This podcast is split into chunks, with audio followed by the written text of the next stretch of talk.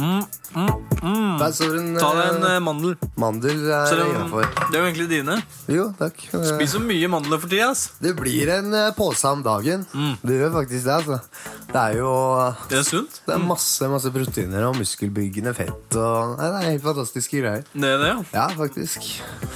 Men eh, velkommen til eh, inn til Oslo fengsel og til eh, Fredrik og Oskar her Ja. i Røverradiostudio. Velkommen inn til oss. Jo, velkommen, velkommen. Og vi har jo ikke bare mandler å by på i den sendinga her, Oskar. Vi har ikke det. Nei, kan ikke du eh, dra oss litt gjennom noe av det vi skal høre på i denne proppa sendinga? I dag så skal vi jo bekrefte eller avkrefte en myte.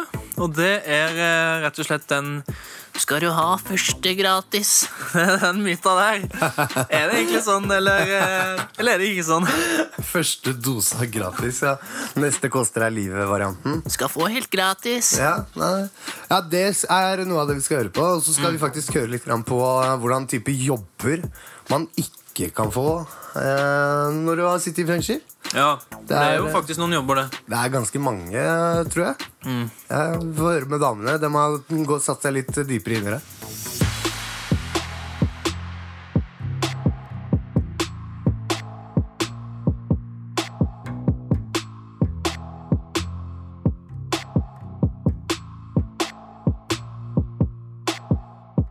Jeg heter Heidi, og jeg står her sammen med Skinny Pig og Nora, som eh, ikke virker så veldig interessert i det vi holder på med. For vi står nemlig og diskuterer jobbmuligheter.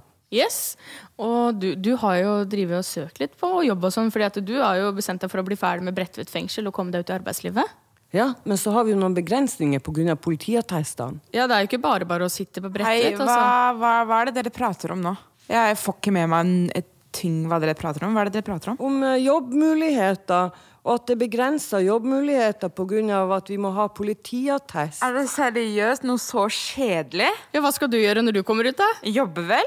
Ja, ja, Men det er jo ikke alle typer jobber du kan få. Hallo! Hvilken jobber er det da du kan få etter soning? Du kan få Nei, vi snakker om hvilke jobber du ikke kan få. Som Jeg vi vet at jeg vet. får meg jobb uansett, så jeg stresser ikke. Wow. Kan du jobbe i barnehage? Nei, men det jeg vil ikke. Kan du jobbe i barnevernet? Vil ikke. Brannvesenet? Kan ikke. Du hadde sikkert sett så fin ut da i uniform. Ja, fengselsuniform.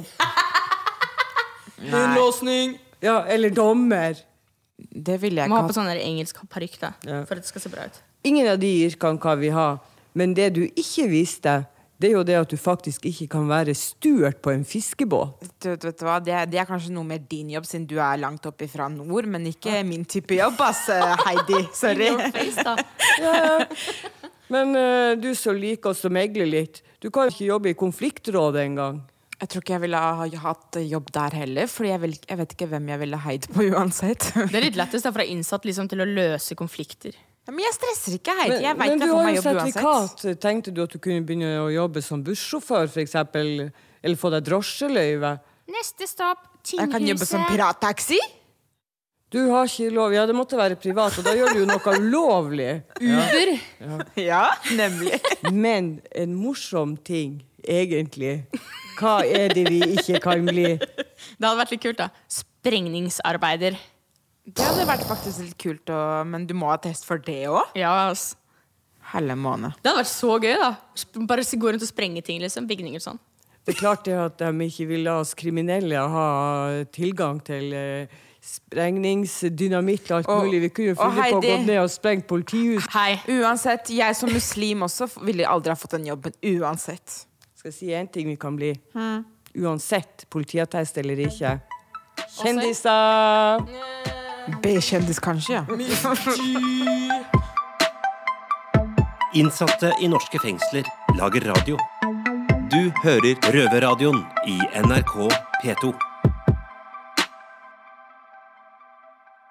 Å være pappa i fengsel er veldig vanskelig i utgangspunktet. Men hva man bør gjøre når barna begynner å bli eldre og forstå mer ting angående besøk osv., det er et tema vi skal eh, ta hånd om her i dag, Alex. Ja, Fredrik. Og Alex, Ja. hva mener du når er en alder barna begynner å forstå, og man hva, hva, hva mener du man bør gjøre da? ta imot besøk, eller uh... Det, jeg vet en ting, og det har vi to diskutert før, at uh, det her temaet her er vi uenige om. Ja. Det kan jeg bare starte med. Ja, det er vi. Det jeg mener er at uh, Når uh, ungene blir 6-7 år, så får de med seg en del ting. De, de begynner å skjønne uh, hvilken situasjon du er i. Ja. Men, og Derfor mener jeg at man ikke burde ha besøk av barna sine da. Fordi jeg mener at det, det, det er ikke sunt for et barn. Det er ikke bra å se faren sin i så dårlige omstendigheter. Da, da hadde jeg heller sagt at Da hadde jeg heller bedt mora til barna sagt at pappa er på militæ militæret, og han kommer hjem om så og så lenge. Men eh, når far bare blir borte da fra barnet, men tror du ikke det er bedre for barnet da å få se faren sin i ny og ne, selv om det er på et besøksrom i fengsel? Jo, men da, da hadde jeg heller eh, sagt det på den måten at eh, han kan komme på besøk, men bare at eh, han tror at det er militær tjeneste. Ja, så at det du sier er ta imot besøk av barnet. Men, ikke si at du sitter i fengsel. Men tror du ikke det blir litt forstått når du må gjennom og se masse betjenter og nøkler som blir låst opp og dører som er låste og så videre? Ja, ja, men det, det, er jo, det er jo sånn som jeg sier. De, de barna de, de skjønner, men de, jeg tror ikke de skjønner såpass. Og akkurat derfor kan du si at det er militære. Det er via militæret du får besøk, liksom. Men, eh, men hvordan skal du da ha en dialog og en åpen dialog med barnet ditt da, hvis du, hvis du har tenkt til å drive og legge dette skjult? Og hvor lenge skal du holde dette skjult, på en måte? Jeg mener det at det Man kan slippe å fortelle sannheten til barna noen ganger når det er best for dem. At du kan ta en hvit løgn når det er Sunt for barna, og bra for barna. Ja. Ja. Men eh, hvor, hvor, når mener du at man skal begynne å være ærlig, eller mener du ikke at man skal være ærlig om Jo, at man har sittet i fengsel? det, det, det jeg ikke syns er greit, er at uh, ungen din begynner å skjønne såpass. Og når han kommer på besøk, så sier du til ungen at uh, 'jeg sitter i fengsel', og da kan ungen lett gå i skolen og si at 'hei, pappaen min sitter i fengsel', og det er ikke noe greit. Jeg mener at når du kommer ut, og barna begynner å bli litt eldre, så kan du minne dem på den dagen og si at du, du husker når pappa var inne. Det var da han satt i fengsel, det var ikke noe militærskole. Vi skal snakke litt grann mer om egne erfaringer. Å være pappa og sitte i fengsel, og ha pappaer som sitter i fengsel. Og du skal jo bli pappa. Ja, Så kanskje jeg kan gi deg noen vise råd eh, etter jeg har vært pappa i lange fem måneder. Ja, det, det tar vi på cella etterpå.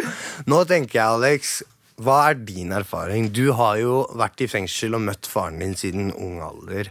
Og hvordan var det for deg? Jeg kan starte med at uh, når jeg var veldig ung, jeg kom, om eh, var en 6-7 år gammel, da kom jeg og besøkte pappa akkurat der hvor jeg sitter nå. B-blokka og A-blokka. Og Mm. Da for satt jeg sammen med han. Ja, da kanskje satt du sammen med han. Eh, og jeg mener da at eh, Eller jeg husker at eh, det var helt knust for meg å vite at faren min satt i et fengsel. Jeg visste ikke når han skulle komme ut, og det verste er at han kom ut og gjorde det igjen. Ja. Og akkurat rett før sendinga så prata jeg litt om det her. Mm. Det er akkurat det jeg gjorde feil, for at eh, jeg så hva pappa gjorde. At han havna inn i fengsel. Og jeg blei slags den personen. Skjønner du? Men det er jo en forening som heter FFP, som står for For fangers pårørende. Og de mener jo at fra veldig ung alder så forstår barna veldig mye. Og de får med seg hva som blir sagt, og de får med seg sånne ting som dette her. Og jeg tenker da, hvis for eksempel, da, sånn som du sa i stad, om at eh, vi skal fortelle at du er i militæret, for å ta det som et eksempel.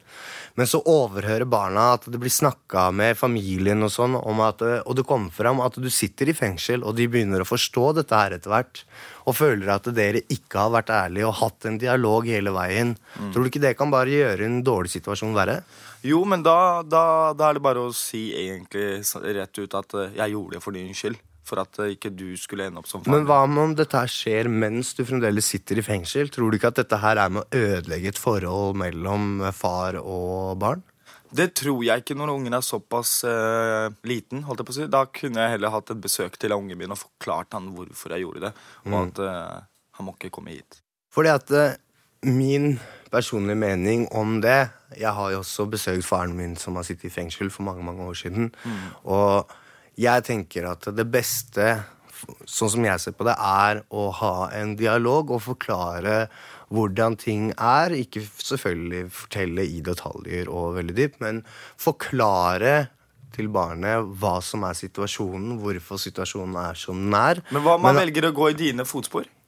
Det som er, er at så lenge du har en dialog med ungen din, og du forklarer dette på en bra måte, og du forklarer hvor dumt dette her er Nå får ikke pappa være ute, pappa får ikke være med og grille, pappa får ikke være med på disse tingene her fordi han har gjort en slem ting, då- dårlig ting. Så kanskje dette er med å forebygge det for ungen istedenfor at du kommer ut. Eh, Møter eh, barnet ditt igjen, det går opp for barnet ditt, og da liksom blir det sånn en kul greie. Istedenfor at du har hatt en dialog hele veien som gjør en forebyggende situasjon. Vet du hva, Fredrik? Jeg, jeg er veldig sta person, egentlig. Men du har faktisk fått meg til å ombestemme meg Ja. og si det at eh, det er best å ha en åpen dialog med ungen din. Ja, så. Det var godt vi fikk noe godt ut av dette her. Nå Ja. eh, føler jeg at vi har konkludert med at uh, har du et barn og du sitter i fengsel Så prat. Ja, prat med barnet ditt. Gjør en god dialog og ha en ærlig og åpen dialog hele veien. Selvfølgelig skjul de tinga som har vært å skjule, men uh, ha en dialog med barnet ditt.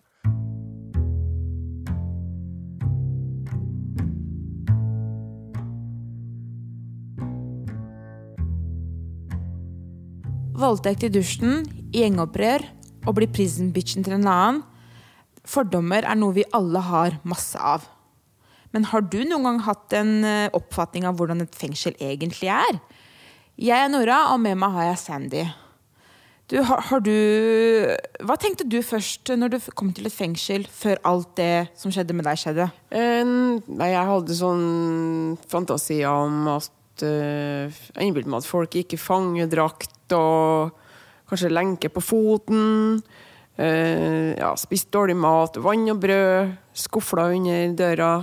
Og at betjentene var drittsekker og sånne ting? Ja, altså, vi skulle, være, skulle ikke være hyggelige med betjentene. Det må ikke Nei, må ikke finne på. Ja, jeg tenkte egentlig mest sånn eh, Du har hørt det der uttrykket 'ikke mist såpa i dusjen', liksom, ellers så blir du voldtatt bakfra. Men eh, her så dusjer du egentlig ikke alene. Eller med andre, da. Du dusjer alene, og du får din egen personlige liv, og du har din egen selv og sånne ting. Ja, det er veldig godt. Eh, husker du forresten de første timene du kom inn i? Uh, Jeg altså, de to, tre første timene husker jeg ingenting av. Det er helt svart. Men det eneste, det neste jeg husker da, var at hun kom med en sånn dødsfin, kjekk eh, betjent inn på cella mi. Bare Ok, Nora, la oss gå til biblioteket og låne filmer som du kan låne, fordi du er jo på isolasjon. Så da må du ha noe tidsfordriv. Ja. Jeg tenkte her, bibliotek? Filmer? eh, Får jeg alt det der liksom her? Ja, det var litt overraska over det og fikk utlørt utlevert en sånn liten DV-spiller som jeg kunne legge på Ja. brystkassa. Og jeg fikk eh, gå på biblioteket. Jeg var veldig overraska. Ja. Og så fikk jeg laks første dagen. Jeg bare what?! Ikke noe, ikke noe rottesuppe, liksom. Men Sandy, hva er din oppfatning av virkeligheten nå? Mm, jeg har endra litt mening etter hvert. Det har jeg gjort med kjøre rundt meg nå. er fullt av treningsapparater.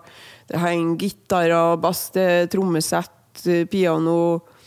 Ja, det, jeg har litt muligheter her, men for å få til ei bra soning, så må man faktisk eh, Løft ræva og gjøre noe sjøl? Hæ? Løft ræva gjør det sjøl. Du kan ikke sitte og vente Ja, på være med på det som er. Så Ja. får du ei bedre soning. Det gjør det mye bedre for deg sjøl, altså. Mm. jeg syns, jeg syns det er bra. Ganske fornøyd. For meg føles det som et kollektiv. da Ja. Men det er sånne ting som Fra norske fengsler så ser vi veldig lite om det på Ja. norske TV-er. Men vi ser veldig mye amerikanske fengsler eh, på TV, og det er sånn oppfatning vi får da før vi kommer i fengselet. Ja, vi ser nå Orange is the new black, og kanskje mange tror at det er sånn det er inn her òg.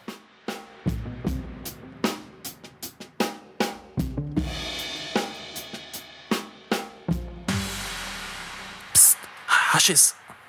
Cola. What's up, man? Det er sånn eh, du hører når du går rett gjennom Karl Johan eller annen populære gate i Oslo. Ja. Folk skal selge deg shit. Word.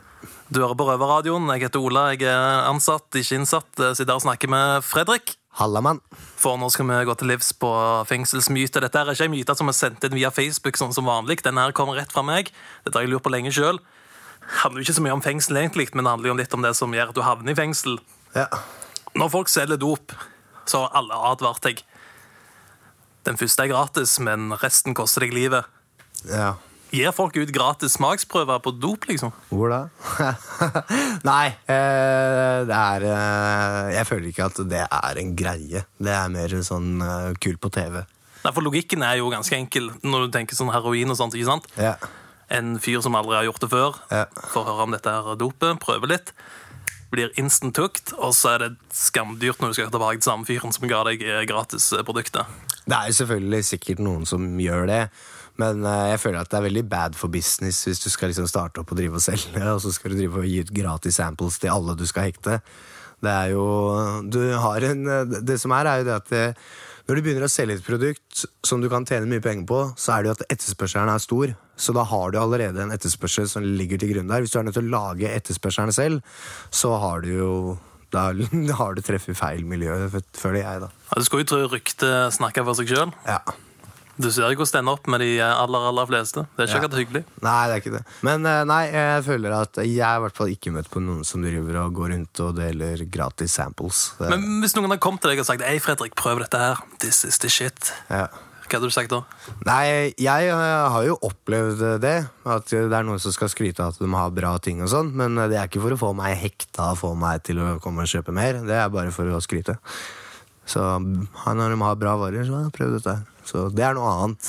Men jeg ser jo for meg at det kan skje, for dealere er jo kyniske. De gir jo F i om det er hasj eller heroin de selger, eller om det er til en 15-åring eller 60-åring, så lenge de får Jo, men, igjen. henne. ja, så lenge de eh, skal eh, liksom vise markedsføre at de har fått noen bra varer, så er det mulig at de kanskje gjør det. Men ikke for å hekte folk på det. Det, det tror jeg ikke. Nei, så Vi må høyere opp i systemet her. Det er liksom, her har du en prøvesmaking fra dette kvantumet som kommer inn Ja. senere i måneden. liksom. Ja, Der er det normalt å gi ut samples, prøvestempler, men det er ikke noe for å hekte de du gir prøvevarer til. Det er bare for at de skal se at det er bra shit. Så dette her er litt sånn etterklang av skremselspropagandaen som herja på, på 80- og 90-tallet. Fra Ja. til helvete. Og så Jeg, jeg føler at det er litt, det er litt på den der, ja. ja. Innsatte i norske fengsler lager radio. Du hører Røverradioen i NRK P2. Det sitter veldig mange innsatte i norske fengsler som ikke får praktisert sin religion. Og Nora, du og jeg vi har jo snakka litt om dette her. Stemmer det? Det er jo for en, en stund siden tilbake, så vi, vi, vi tar det tilbake litt.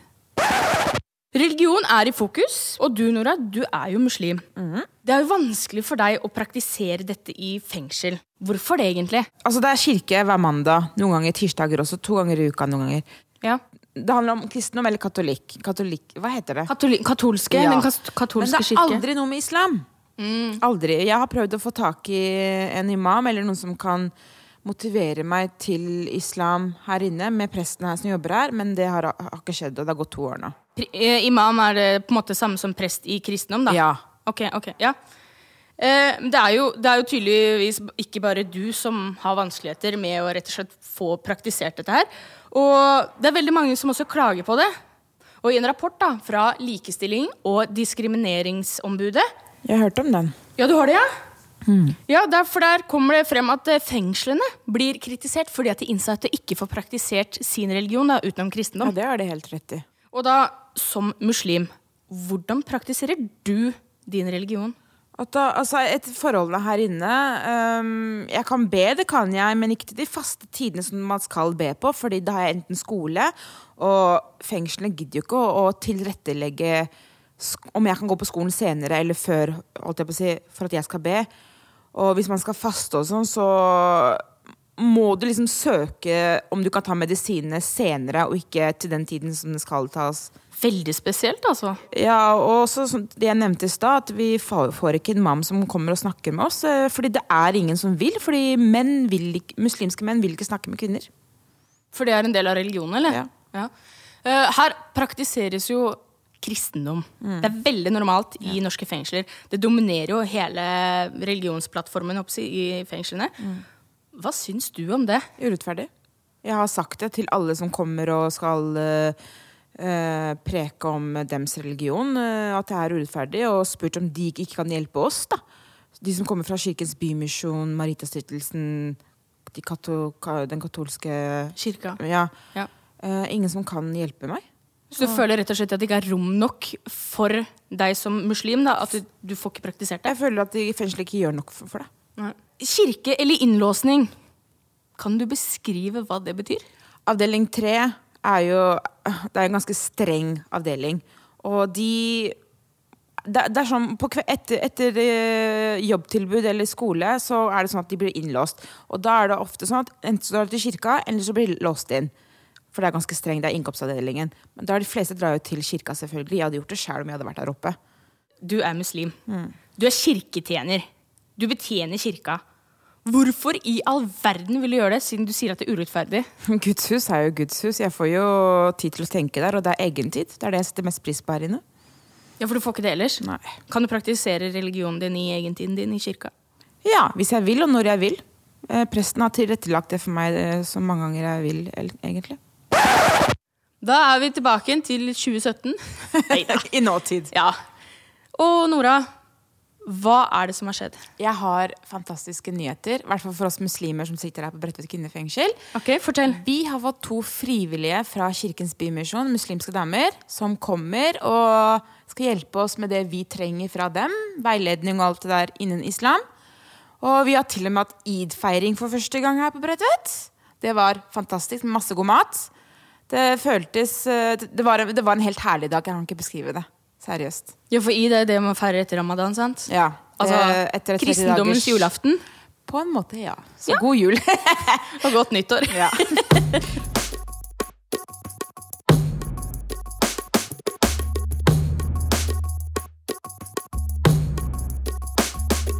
Dere der ute tenker sikkert at eh, innsatte og betjenter har en skikkelig hard forhold til hverandre. At de innsatte må se ned hver gang de eh, går mot en betjent. Men sånn er det ikke. Hvordan er det, Fredrik? Ja, her inne så er det jo, er det jo veldig forskjellig fra person til person. Uh, og det er veldig mange av de nye innsatte som kommer inn i fengselet, som tror at det er nettopp sånn at eh, det er liksom veldig dårlig forhold betjenter og innsatte, og at og vi innsatte ikke kan snakke med betjentene. Uh, men uh, for det første så er det veldig viktig for dere som kommer inn, nye, å vite at hvis du vil ha en god soning, og du vil ha ting gjort, så er du nødt til å behandle betjentene menneskelig. Legg fra deg den betjente- og innsattholdninga, og tenk heller på dem som personer. Selvfølgelig så er det jo noen betjenter som eh, er annerledes og er kjipe, men eh, sånn er det overalt her i verden. Men dømmer ikke betjenter deg at du er kriminell, eller en sånn type ting? Selvfølgelig så er det noen som gjør det, men eh, jeg mener at det er veldig mange av dem som blir påvirka av miljøet, og da er det veldig viktig for oss å ta ansvar for det, oss innsatte å ta ansvar og behandle det menneskelig, sånn at dem får en eh, menneskelig oppfatning av oss også. Ja, for jeg har jo merka det, Fredrik, at eh, noen betjenter har faktisk noen felles venner med meg. Og de er tross alt mennesker akkurat som oss. Så det er jo egentlig bare å spille ball. Hvordan du vil at sjargongen skal være. Sånn blir den etter hvert. Er det ikke sånn, Fredrik? Jeg tenker at eh, det er veldig viktig å, å, å, å, huske at de er mennesker, dem òg. Så det er liksom, du finner forskjellig der, men det er mye kule betjenter så lenge du behandler dem som kule mennesker, skjønner du. At eh, Behandle dem litt sånn som du vil behandle deg selv. Hvis du kjører veldig hard justis på at eh, dere er betjenter, vi er innsatte, så kommer de til å tenke på deg som et nummer, ikke som et menneske. Ikke ha noe problem med å låse deg inn på cella med god samvittighet, og, og ikke, noe, ikke, ikke føle på at den trenger å hjelpe deg med noe, noe som helst. Men Fredrik, hva er en kontaktbetjent? En kontaktbetjent er noe du får tildelt når du kommer eh, til en avdeling. Og det er en betjent som du skal egentlig spørre om alt når du kommer til eh, gjeld og ringetelefoner og søke permisjoner og to tredjedeler, overføringer. Og så det er egentlig en betjent som du skal få hjelp til når det kommer til alt av praktiske ting i fengsel. Så med en kontaktbetjent så får du alt det du peker på, da. Nei, det er akkurat det du ikke gjør, vet du. Men eh, det er veldig viktig å få en eh, kontaktbetjent Eller ha en kontaktbetjent du har god kjemi med. Ha en kontaktbetjent som du har god dialog med. Fordi at eh, det er mange som får tildelt kontaktbetjenter som de ikke kommer overens med, og får kontaktbetjenter som aldri er til stede når du trenger hjelp til noe. Men kan man bytte dem hvis ikke man liker dem eller kommer omgås med, eller ikke omgås med? Unnskyld? Du kan skrive ned på et ark så kan du skrive ned begrunnelse for hvorfor du har lyst til å bytte kontaktbetjent. Eventuelt hvem du har lyst til å bytte til. Mm. Men du må ha en eh, begrunnelse for det. Det holder ikke bare å si at eh, du vil ha den og den personen som kontaktbetjent. Jeg vil ha! Ja, det holder ikke. Så du må skrive ned det på et ark, og så er du nødt til å levere dette her til, eh, til avdelingsleder. Og prøve å få tatt to ord med avdelingslederen om hvorfor dette er viktig for deg. Er det viktig å ha en kontaktbetjent som har jobba her i mange år, eller en som ikke har jobba her så mange år? Har det noe å si, egentlig? Eh, det er fordeler og bakdeler med begge deler. Og fordelen med å ha en kontaktbetjent som har jobba i fengsel i mange år, er det at vedkommende mest sannsynlig vet hvordan ting fungerer. Eh, har litt styringa på hvordan framgangsmåten på forskjellige ting og sånn er, og at det kanskje går litt grann fortere. Men på den andre siden så har du nye betjenter som kommer inn, Uh, som har den stå-på-vilja som kanskje ikke de andre har. At du får en ny kontaktperson som har lyst til å vise at det kan få til ting, og kan hjelpe deg selv om de er nye her inne i fengselet. Takk for noen vise ord, Fredrik. Vær så god, Alex.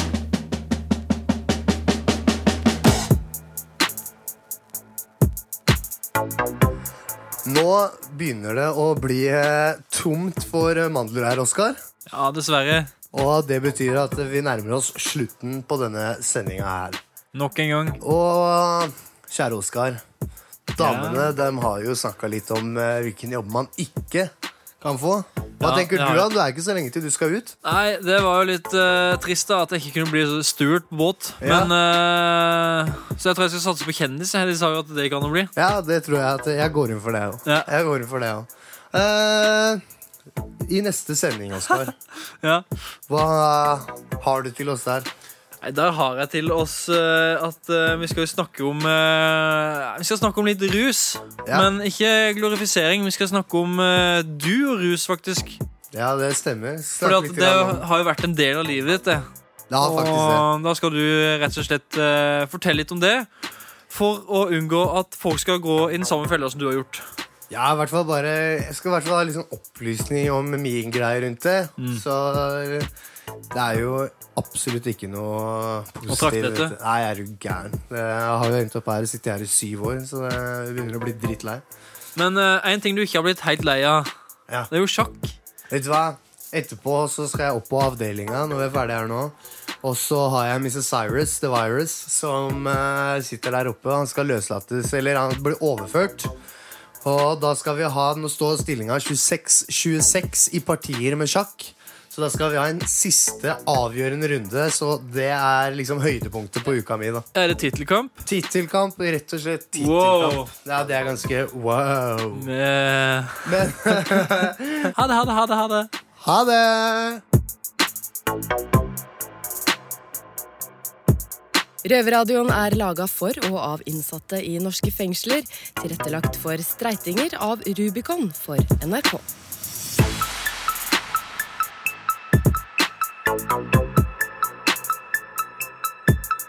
Thank